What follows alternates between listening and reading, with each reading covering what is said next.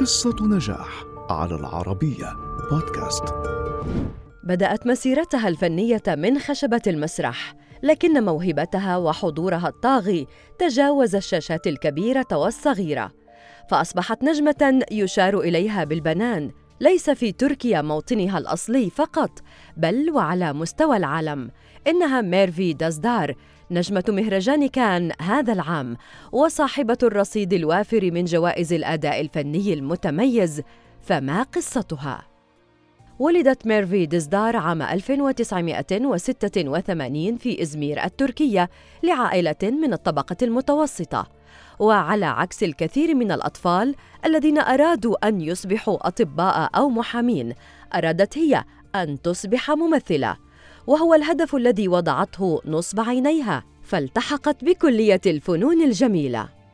بعد تخرجها من الجامعة بدأت ميرفي التمثيل في المسرح مع فرقة سيمافير كومبانيا ولاحقا في مسرح كرافت حيث شاركت في العديد من المسرحيات وحصلت على جائزة أفيفي جالي لأفضل ممثلة مسرح عن دورها في مسرحية يوتماك وكانت مقدمة لبرامج الأطفال عبر قناة تي آر تي جوجوك الإذاعية التركية قبل أن تظهر كممثلة بالمسلسل التلفزيوني. آلغولوم فيرغولوم في عام 2010 ثم ظهرت في مسلسلات شهيرة مثل فاتانيم سانسن وموجز دكتور وماسوملار أبارتماني. ظهرت دزدار لأول مرة سينمائياً في فيلم بيرسيس بولار جيجيه عام 2011 فلفتت موهبتها أنظار المنتجين ما منحها فرصاً للظهور بالعديد من الأفلام الناجحة لكنها عززت مكانتها خلال الأعوام الثلاثة الأخيرة عالمياً. ففي عام 2020 نالت تقديراً واسعاً لدورها في الفيلم الناجح War of the Altis الذي أكسبها ترشيحاً لجائزة جمعية نقاد السينما التركية.